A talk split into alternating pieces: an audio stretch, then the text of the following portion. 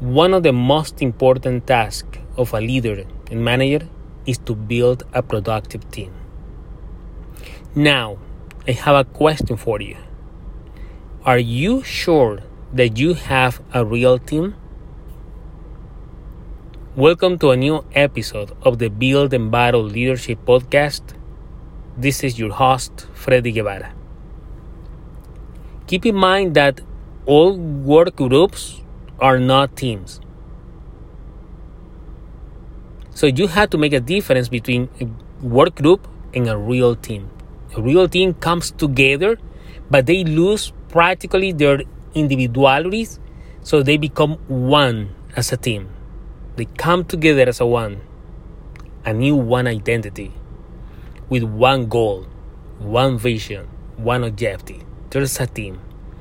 Now, if you want to find out if you have a real team, I'm going to give you three characteristics so you can use them to identify if you are leading and managing a real team.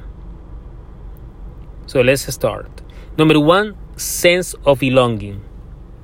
A real team is formed by people that they feel they belong to the team, that they come together, they feel that they are part of the team, and they identify themselves with the values, with the principles, with the objective, with the mission, with the vision of the team.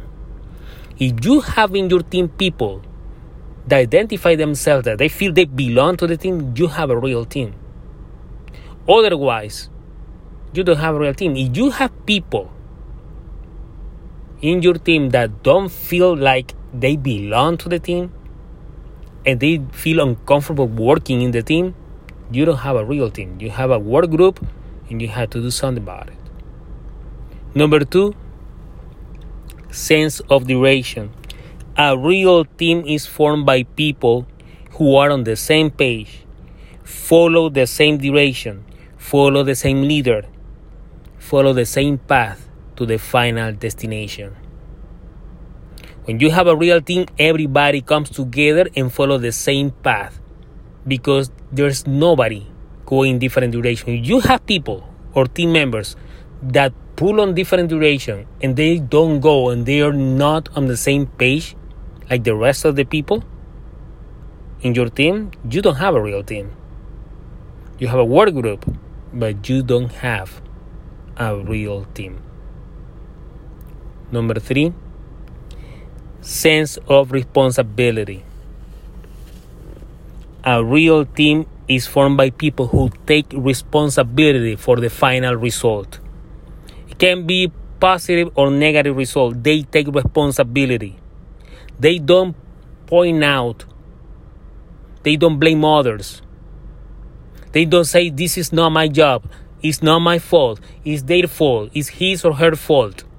If you have people who blame others in your team, you don't have a real team.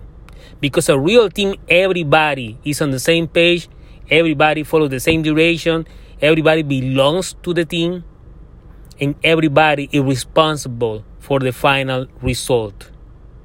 Because they know if the team wins, everybody wins. If the team loses, everybody loses. That's what you have to understand. Those are the three characteristics of a real team. Let's summarize. If you want to find out if you have a real team, take a step back and observe your team. And you have to observe in your team these three characteristics. Number one, sense of belonging. Number two, sense of direction. Number three, sense of responsibility. If you observe these three characteristics in your team, congratulations. You have done a good job and you have a real team. But if not, start working now on building a real team. I hope this episode helped you to build a better team. I hope you can do something about that. And really, I hope you have a real team in your organization. Otherwise, start working now. Don't waste more time and start working a real team. Start building a real and productive team. In the meantime, I wish you the success you deserve. Build and battle. Until the next time.